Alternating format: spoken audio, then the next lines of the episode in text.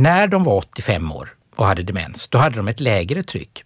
Men i och med att vi hade följt dem under så lång tid så kunde vi gå tillbaka 15 år. Och när vi gjorde det så hittade vi att personer som vi hade diagnostiserat med Alzheimers sjukdom hade högre blodtryck.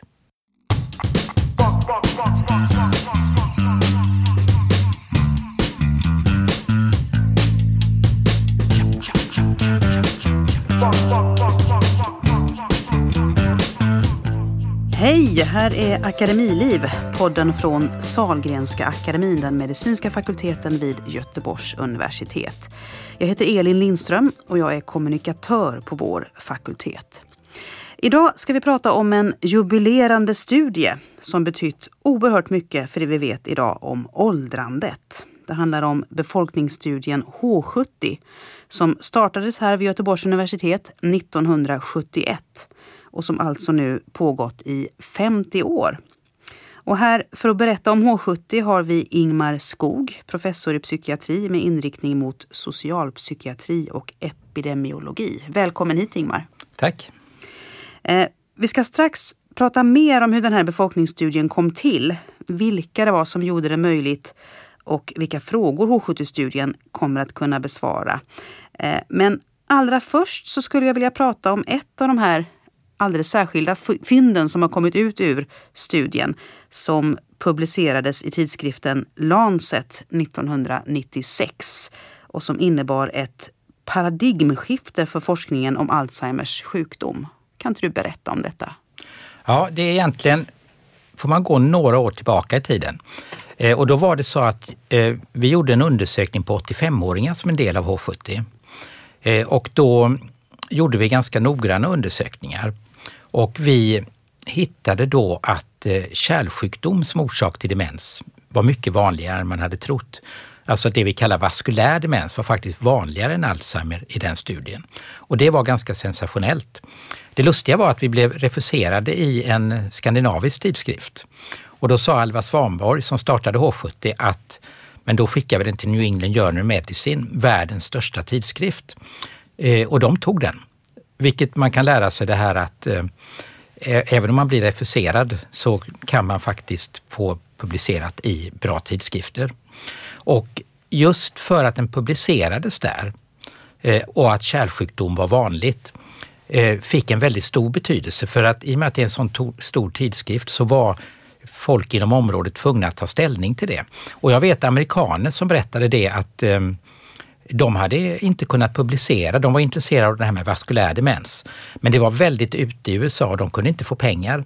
Men när vi nu fick in den i en sån stor tidskrift, då började NIH, alltså det här stora National Institute of Aging, som är en del av National Institute of Health, då reagerade de och tänkte att här kan vi inte bara låta européerna göra, vi måste ha amerikaner som tittar på vaskulär demens. Så då fick de faktiskt anslag. Eh, och sen så gick vi vidare och gjorde ytterligare en studie där vi hade använt datortomografi. Och vi var faktiskt först i världen att använda sån här hjärnavbildning i en befolkningsundersökning. Och då hittade vi att någonting som hette i kemiska vitsubstansskador, det vill säga skador i, de, i delar av hjärnan där det finns mycket sånt här myelin. Och de skadorna de brukar vara orsakade av eh, kärlsjukdom. Och man brukar säga att den vanligaste orsaken till de här förändringarna, som är väldigt vanliga när vi blir äldre, eh, det är högt blodtryck. Och vi fann då att det här var också väldigt vanligt hos personer med demens. Så då hade vi två kärlsjukdomar. Eh, och eh, sen då så tänkte jag det att i H70, vi hade undersökt 85-åringar, de hade undersökts då sen de var 70 år, de här 85-åringarna. Eh, och då tänkte vi det att eftersom vi hade hittat det här med kärlsjukdom i hjärnan som en väldigt vanlig orsak till demens i den här åldern, då gick vi tillbaka för att se vad de hade haft för blodtryck sedan studierna började när de var 70 år. Och det vi hittade då, det var att när de var 85 år och hade demens, då hade de ett lägre tryck. Men i och med att vi hade följt dem under sån lång tid så kunde vi gå tillbaka 15 år. Och när vi gjorde det så hittade vi att personer som vi hade diagnostiserat med Alzheimers sjukdom hade högre blodtryck. Eh, så det var alltså så att man hade först hög, hö, högre blodtryck 10-15 år innan man fick demensen. Sen sjönk blodtrycket, vilket antagligen beror då på att man får hjärnskador. Blodtrycket styrs ju väldigt mycket från hjärnan. Och när man väl hade demens så hade man ett lägre tryck. Så på den tiden trodde man ofta att lågt blodtryck var den stora farliga saken. Och sen är det ofta då och den här publicerades då i The Lancet som också är en av de större medicinska tidskrifterna. Och den fick enorm uppmärksamhet. Vad betydde det, det resultatet? Jo, alltså det gjorde det att eh, det fanns ju folk som hade haft de här tankegångarna men liksom inte kunnat visa det på samma tydliga sätt som vi gjorde. Alltså både det här att kärlsjukdom i hjärnan var vanligare orsak till demens än man trott tidigare och att sådana här riskfaktorer för kärlsjukdom kunde vara orsaker även eller påverka risken även för Alzheimers sjukdom. Det var ju folk som hade haft tankegångar. Det, det, det, är ju så här att du kan ju väldigt sällan hitta någonting som ingen tror på. Du måste ju ha några som kan tänkas tro på det. Eh, och då började man titta på det här i massor med olika studier. Eh, bland annat i den här berömda Honolulu Asia-studien, Framingham-studien, flera studier över hela världen. Och då hittar man samma sak som vi gjorde. För det är ju ofta så här att om någon hittar någonting så börjar folk titta efter det. Och innan dess så hade man inte tänkt på att titta på det. För man trodde inte, alltså man trodde snarare att kärlsjukdom var ovanligare vid Alzheimers sjukdom än eh, än liksom i befolkningen i stort. Och nu kunde man då, när man följde folk under lång tid, för det är ju en av de stora grejerna i H70, att man följer samma personer över lång tid och då kan gå tillbaka och se vad som hände med dem tidigare. Och då började, sen började folk titta på många olika sådana här kärlsjukdomar som man tittar på diabetes, kolesterol, eh, man har tittat på hjärtflimmer, alltså flera olika sjukdomar, kärlsjukdomar eller riskfaktorer för eh, kärlsjukdom i hjärnan och kunde hitta då att det var kopplat till Alzheimers sjukdom. Det är fortfarande omdebatterat det här, men vad det visar, det stora grejen med det här, det är ju det att det här kan man ju förebygga. Så att det här med att behandla högt blodtryck, kolesterol, diabetes och så, det är ganska etablerat idag att det är en av de så här, förebyggande saker man kan ha när det gäller Alzheimers sjukdom, för att förebygga sjukdomen. Och det här, det här fyndet då att ehm, eh, Alzheimer, eh, personer som har Alzheimer har haft ett högt blodtryck många år tidigare så att säga. Vad har det fått för konsekvenser för, för patienterna eller för, för kliniken? Alltså den stora grejen är ju det att man kan säga att det stora är ju det att man brukar, alltså högt blodtryck ska ju behandlas av en massa andra skäl. Det ökar risken för stroke, hjärtinfarkt och så vidare. Och vad man kan säga här, det är att, att, att vad heter nu, demens och Alzheimers sjukdom, det är ytterligare en anledning att behandla högt blodtryck. Så det brukar ju ofta nämnas nu när det gäller guidelines för behandling av högt blodtryck, att det är viktigt att göra det också för att det påverkar hjärnan och den intellektuella funktionen och ökar risken för demens. Mm. Den här studien H70 den inleddes alltså 1971 som, som jag nämnde tidigare. Eh, du har ju själv inte varit med riktigt från början eh, Ingmar, men kan du berätta om, om starten? Vad var det för en tid när den här geriatrikprofessorn Alvar Svanborg eh, satte igång med det här jätteprojektet? Jo, det var så att man hade ju gjort, Göteborg är ju väldigt känt för sina befolkningsundersökningar och man hade ju gjort studier på 50-åriga män tidigare.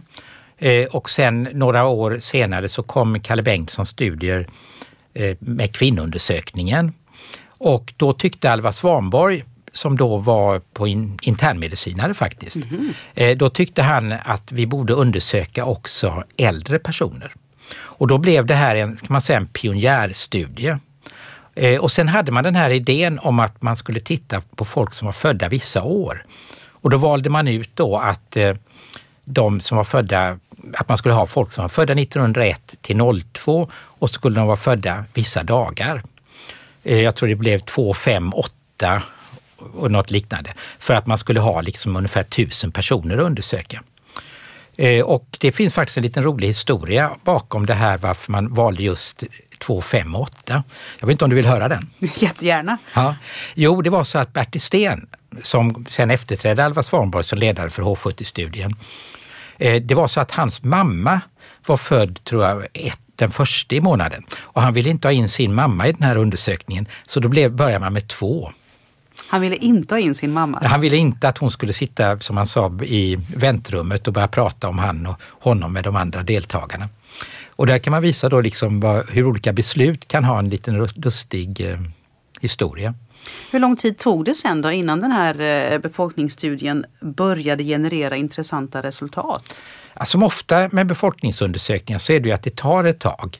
Och eh, i början var det ju mycket med invärtesmedicin och så vidare. Eh, jag mest varit, I början var jag ju mest engagerad inom psykiatrin. För psykiatrin var också med i början. Eh, och en av de resultat som väckte i alla fall uppmärksamhet i media, det var ju att man tittade på 70-åringars sexualliv. Man kan säga att studieledaren, när psykiatrikern Göran Persson, som då var den första som undersökte eh, psykiatriskt, när han då liksom föreslog att man skulle titta på 70-åringars sexliv, då var man väldigt tveksam i studieledningen. Och det är faktiskt så att när man kom med de första resultaten där, då var det sensationellt att eh, 70-åringar faktiskt fortfarande till ganska stor del fortfarande var sexuellt aktiva. Men annars kan jag säga att de första stora resultaten som kom då i mitten av 70-talet, det var ju det att 70-åringar var mycket piggare än vad man hade trott. Man hade ju varit van att se, se personer i den åldern, de som kom in på sjukhus. Nu såg man plötsligt de som bodde hemma. Och det visade sig faktiskt så att de var, det var nästan svårt att få in folk för de var så aktiva. Så det var ju den stora fyndet i början, just det att 70-åringar var så pigga. Vad tänker du själv om det fyndet? Vad har det betytt? Alltså det har väl varit ett fynd som haft stor betydelse i vår syn på äldre. Och det visade ju också på betydelsen att du måste gå ut i befolkningen om du ska veta hur befolkningen har det. Det räcker liksom inte att undersöka folk som är på sjukhus, utan när du går ut i en befolkning, då får du helt andra fynd än vad du får om du bara tittar på folk som är på sjukhus, för de är ju sjuka. Då funkar ju alltså den här studien så att eh, ungefär tusen 70-åringar kallas till enormt omfattande undersökningar där man undersöker både kropp och eh, eh, den mentala biten så att säga. Kan, kan, du berätta mer om detta? Alltså de första undersökningarna, då var, de var ju inte lika omfattande som vi har idag. Idag har vi väldigt omfattande undersökningar. Man kan säga då att den första undersökningen den gjordes ju på folk som var födda 1901 till 02. Alltså i början av eh, förra seklet. Då de ja, 80-90 procent, de hade bara eh, sex års grundskola. Och de gick alltså ut i arbetslivet när de var 13-14 år. Och det var ett arbetsliv som var mycket hårdare än eh, vad det är idag. Och det var ju faktiskt så att 1918 när de här personerna var 18 år så kom det en rapport om vilka som var de städer med sämst levnadsstandard. Och det var eh, Konstantinopel, Stockholm och Göteborg. Vi hade ju kåkstäder i centrala Göteborg i början av 1900-talet med, i Vasastan och sådär. Alltså det flyttade ju in mängder med människor till städerna. Så vi, vi var, och man kan säga att de första som undersöktes, de levde de första åren i sitt liv när Sverige var ett fattigt land. Och sen då så var det så att Alva Svanborg tyckte att man ville se om åldrandet förändrades, så då undersökte man en ny grupp av 70-åringar som var födda 1906 till 07. Och man såg väl lite skillnad, det var bara fem år däremellan. Och sen undersökte man 70-åringar som var födda 1911 till 12 och man undersökte 70-åringar Eh, som var födda 1922, då var det Bertil Sten som ledde H70. Och sen har man undersökt folk som var födda 1930 vid 70 år. Då var jag med i ledningen på den stora studien. Jag har lett psykiatrin sedan 1987 eller något sånt där. Eh, och sen då så undersökte vi för några år sedan folk födda 1944. Och vad vi gör är ju att vi försöker behålla väldigt mycket av undersökningsbatterierna eh, så att vi kan jämföra bakåt. Det är liksom kan man säga en nackdel. Vi kan inte alltid använda alla moderna metoder, även om vi lägger till väldigt mycket. Och, ehm, men det gör då att vi kan se hur den intellektuella funktionen har förändrats, den fysiska funktionen har förändrats, hur folk, eh, ja, hur sexlivet har förändrats, hur dryckesvanor, dietvanor, allt möjligt, liksom hur det har förändrats över tid. Och det har ju skett väldigt stora förändringar. Man kan ju säga att idag i Sverige är väl H70 väldigt känt för det här uttrycket 70 det nya 50. Mm. Och det är alltså att vi ser enorma förändringar på de här 50 åren. Där man är bättre i massa olika tester, man, alltså av intellektuell funktion, man är bättre fysiskt, man har bättre lungfunktion, man har mer sex, man är, känner sig friskare idag, man har mindre hjärt-kärlsjukdomar, lägre blodtryck. Alltså man kan bara räkna upp och räkna upp Eh, saker och ting. Och så dricker man mer. Jag har ju sagt ibland det att, eh, och vi har sett också att förekomsten av depression hos 70-åringar har minskat.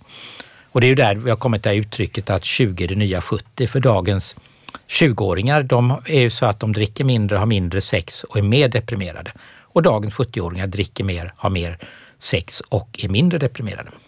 Vad tänker 70-åringarna om den här jämförelsen, det här med att de är de nya 50, att de är 50 så att säga eller 20? Ja, det, jag tror att väldigt många känner att det är positivt. För det här är ju någonting som kanske tar bort mycket av fördomarna och vår syn på äldre. Jag var med i den här delegationen för senior arbetskraft som ser över det här om man kan arbeta längre. För det är ju så att ska pensionerna klara sig kan man behöva arbeta lite längre. Och den heter ju att äldre har aldrig varit yngre.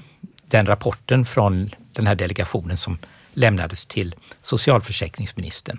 Och det säger rätt mycket. Alltså dagens äldre är fysiskt och intellektuellt yngre än tidigare äldre personer. Och vi ser liknande förändringar faktiskt hos 85-åringar. Att 85-åringar idag har samma liksom förbättringar jämfört med 85-åringar för, vad blir det, 35 år sedan undersökte vi de första 85-åringarna. Mm.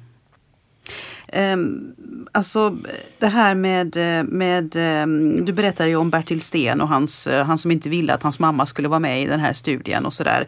Um, de här eh, probanderna som ni kallar studiedeltagarna eller det liksom är det officiella begreppet ja. som man använder för studiedeltagarna så att säga.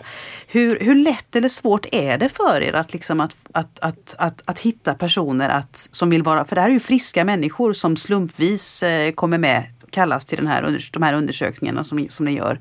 Eh, hur vanligt är det att de säger ja? Eh, senaste undersökningen då, det var ju 72 procent som sa ja. Och en stor del av dem gjorde också väldigt mycket av de här eh, magnetkameraundersökningar som vi gör idag. Vi gör ju sådana här ryggvätskeprov där man mäter olika kemiska förändringar i hjärnan och så. Och det var alltså väldigt höga svarsfrekvenser även på det.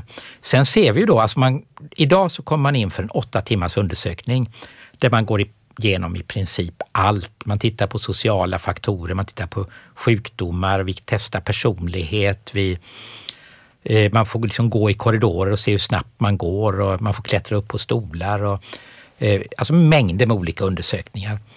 Och eh, trots det så är det faktiskt så att det är uppåt 80-85 procent som kommer, kommer tillbaka nästa gång. Och det fortsätter liksom upp i åldrarna. För vi följer från 70 år så följer vi dem över hela livet.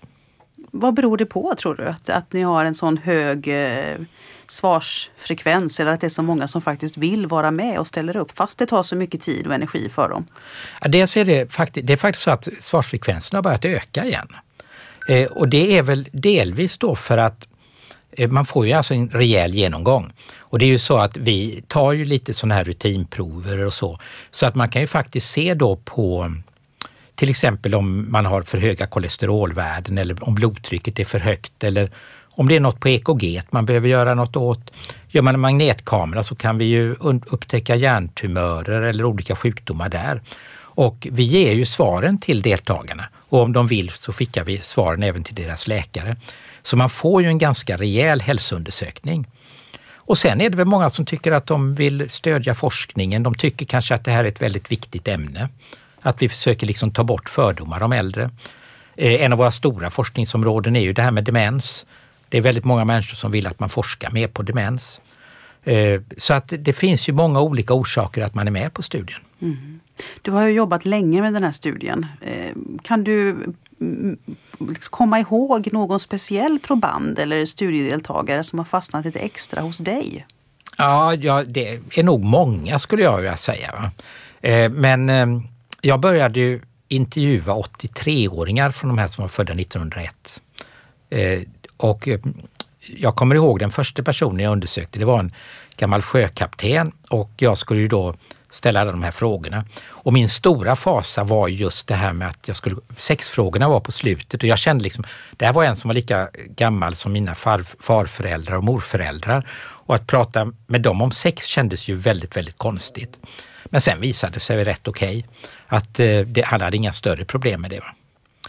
Eh, och sen, men sen var ju, jag skrev min avhandling på 85-åringar födda 1901 till 02. Och då var jag ju en ung, oerfaren doktorand men väldigt entusiastisk och Alva Svanborg var en stor entusiast också så att allt jag pekar på fick jag nästan. Eh, så jag bland annat kommer jag ihåg det här att eh, jag hade läst att man behövde göra datortomografi för att utesluta olika andra orsaker än Alzheimers sjukdom och vaskulär demens. Så då sa jag det till Alva Svanborg och då var det en av hans underläkare som var där och så sa hon det att eh, jag har en granne som är röntgenolog. Jag kan ju gå över och fråga honom. Och det var Bo Palmels då som var den första som gjorde våra röntgenundersökningar. Och då sa han det att ja, men vi har eh, två timmar på onsdagar då vi får göra sådana här, då får vi får göra lite grann vad vi vill när det gäller forskning, så då kan du göra det. Eh, och då fick vi det helt gratis. Och vi hade det helt gratis under många år. Och det var ju så på den tiden att det var ju liksom mycket enklare att göra forskning. Idag är det ju kostnader även när du gör det inom sjukvården. Men det är ett exempel på hur det kan gå till när man får sådana här nya fina undersökningar. Fantastiskt. Eh, alltså det här att studien jämför hur det är att bli gammal i olika generationer, alltså hur åldrandet förändras över tid kan man säga. Eh, varför är det viktigt att, att undersöka? Vad är det som... Eh, jo, men alltså dels är det ju väldigt viktigt för att ta bort fördomar. Alltså sker det förändringar så behöver vi ju veta det. Men en av de här sakerna också när du sysslar med etnologi, det är ju det att man ser, alltså, och det är ju även viktigt i andra ämnen, det här att det som kanske är sant om sjukdomar och annat vid ett tillfälle kanske inte är helt samma sak 30 år senare. Alltså att det kan vara så att sjukdomar börjar yttra sig på andra sätt. Det kanske är så att riskfaktorer förändrats, det har vi sett ibland, eh, för att det kom, tillkommer nya saker eller det kan vara så att sådana saker som var riskfaktorer förut inte längre är det. Vi har till exempel tittat då på det här med blodtrycket som var en riskfaktor när vi tittade på det förut. Då är det så att blodtrycket har gått ner ganska rejält under studiens gång. Man kan säga att medelsystoliska blodtrycket, det övre blodtrycket hos 70-åriga kvinnor, eh, bland de här som var födda 1901, det var 170. När vi undersöker de födda 1944 så är det 140. Det har alltså gått ner med 30 enheter. Och då kan vi se det att de här som är födda 1930 som jag pratade om, de har vi då följt upp till 85 år. Och när vi jämför då blod, om blodtrycket är en riskfaktor för demens eller inte, så är det så att i och med att blodtrycket har gått ner så mycket som det gjort, så är det inte längre en riskfaktor. Och det kan vara ett exempel på en, hur en riskfaktor kan förändras. Vi har andra exempel också, men det är liksom ett ganska tydligt exempel. Alltså H70-studien blir ju en enorm skattkista kan man säga för, för forskare. Alltså ni, de här enorma undersökningarna som ni gör där livets alla olika sidor i stort sett för de här 70-åringarna och sen följer de upp i, i åldern så att säga. Hur används den här skattkistan av forskare generellt? Hur, vilka forskare är det som har tillgång till den? Alltså vi har ju samarbete med forskare från hela världen. Från USA, Singapore, Storbritannien, eh, massor med olika världsdelar där det faktiskt är folk som är engagerade i H70 och använder materialet. Australien också har vi forskare som använder H70s material. Kan du ge och något exempel på det? Hur, hur, hur det används av eh, internationella forskare? Ja, alltså ofta är det ju det att man går ihop och slår ihop data lite grann. Vi har haft en hel del samarbete när det gäller genetik och eh, riskfaktorer för demens med forskare från Sydney. Eh, vi har forskare från Cambridge som har tittat på sparade, sparade sådana här eh, ryggvätskeprov och kunnat gå in och se då att det här äggviteämnet amyloid som är väldigt starkt kopplat hos, till Alzheimers sjukdom, att det, kompositionen, alltså hur den ser ut, förändras mellan att du inte har en demenssjukdom till att du har milda eh, intellektuella symptom till att du har demens. Alltså man kan se liksom, och den blir liksom mer att den har lättare att klumpa ihop sig hos de som har demens jämfört med de som inte har det. Och det var forskare från Cambridge. Eh, vi har haft forskare från Harvard som tillsammans med oss tittat på hur förekomsten av demens förändrats. Så att det finns ehm, väldigt många exempel på olika samarbeten vi har. Mm. Eh, nu håller ni ju som bäst på att förbereda för att ta in nästa generation 70-åringar.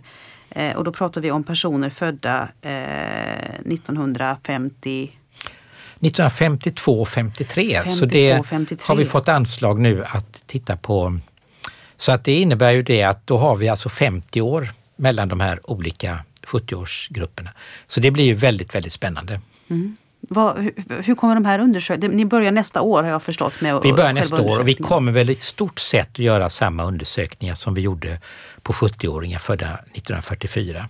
Mm. Har kallelserna börjat gå ut till, eh, till de som blir eh, slumpvis utvalda? Nej, vi kommer, för det första är det inte, det är inte slumpvis utvalda. Är, man kallar det systematiskt urval och det är för att slumpvis då har du liksom en, en, en eh, låda och så drar du upp folk systematisk urval, det är det här att de är födda vissa datum. Mm. Men det blir ju ett tvärsnitt av befolkningen i slutresultatet. Mm. Men eh, vi kommer väl att, vi räknar med att vi kommer nog att dra igång studien någon gång i mars nästa, mm. nästa år. Vad, vad tror du blir mest spännande när det gäller de här, eh, den här kohorten av 70-åringar?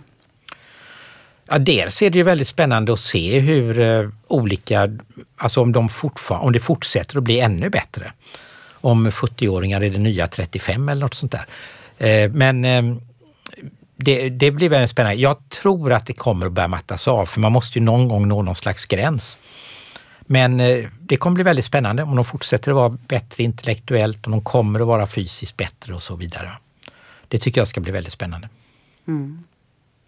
Eh, jag ska säga det att du var ju eh, sommarpratare nu i eh, somras. Då pratade du bland annat om H70-studien också. Du nämnde den i alla fall eh, under ditt sommarprat.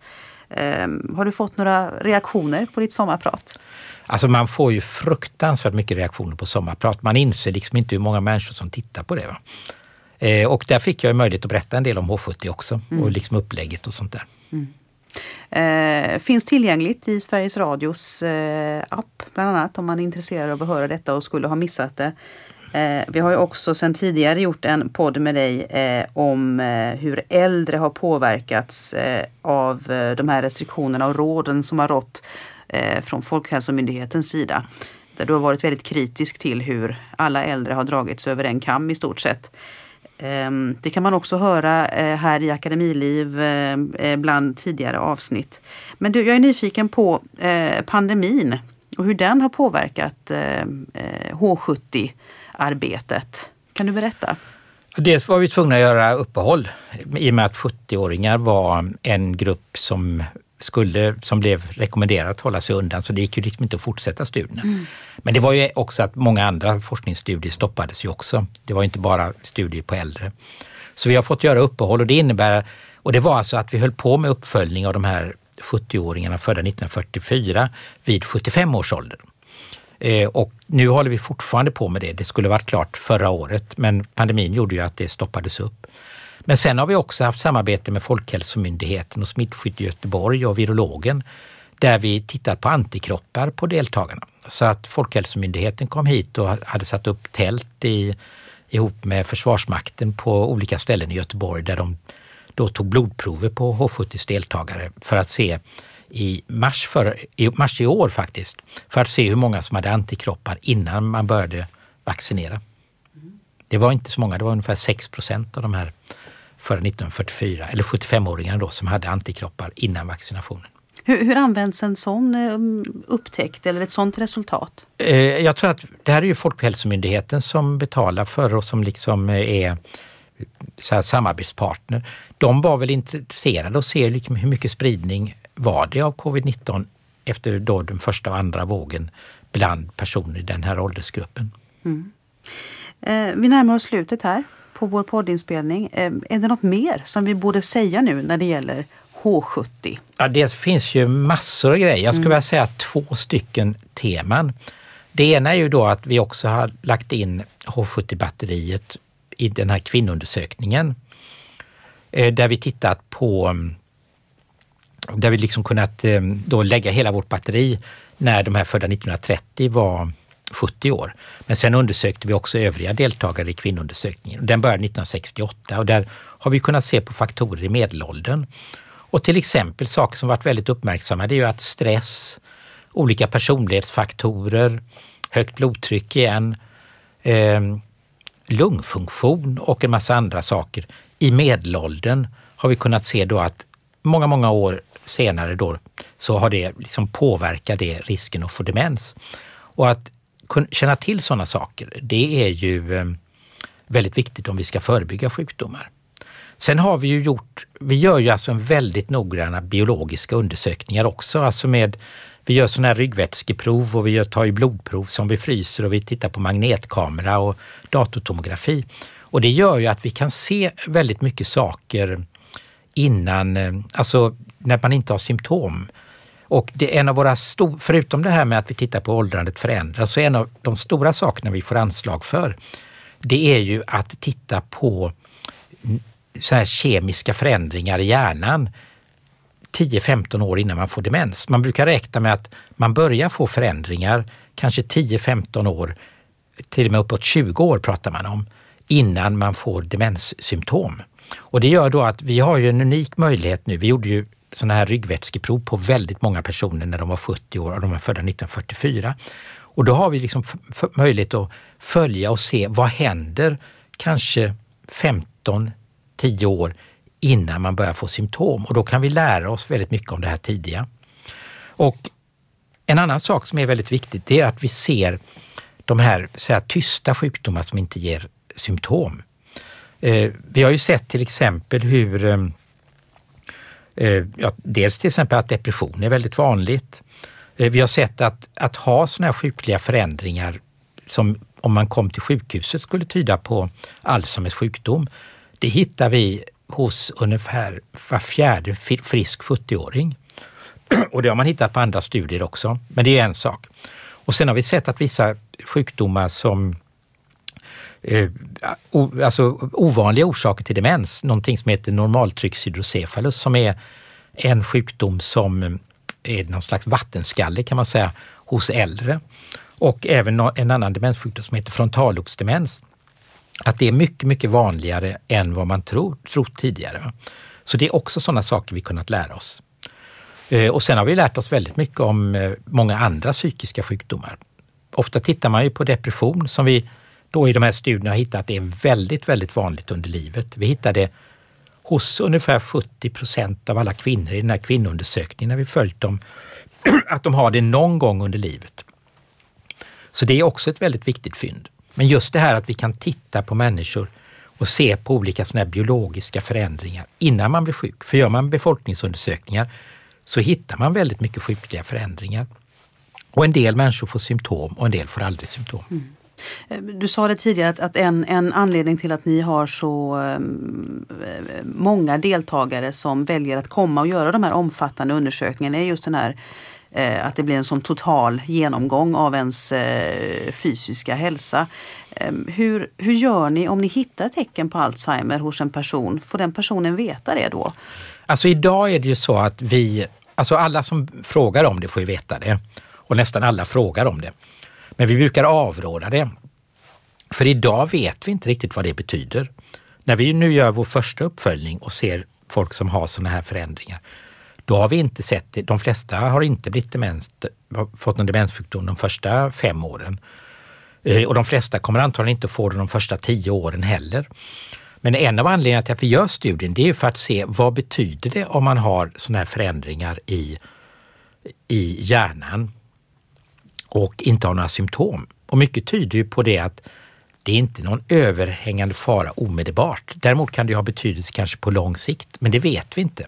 Och idag har vi ingen behandling så det finns ju egentligen ingen anledning att veta om det.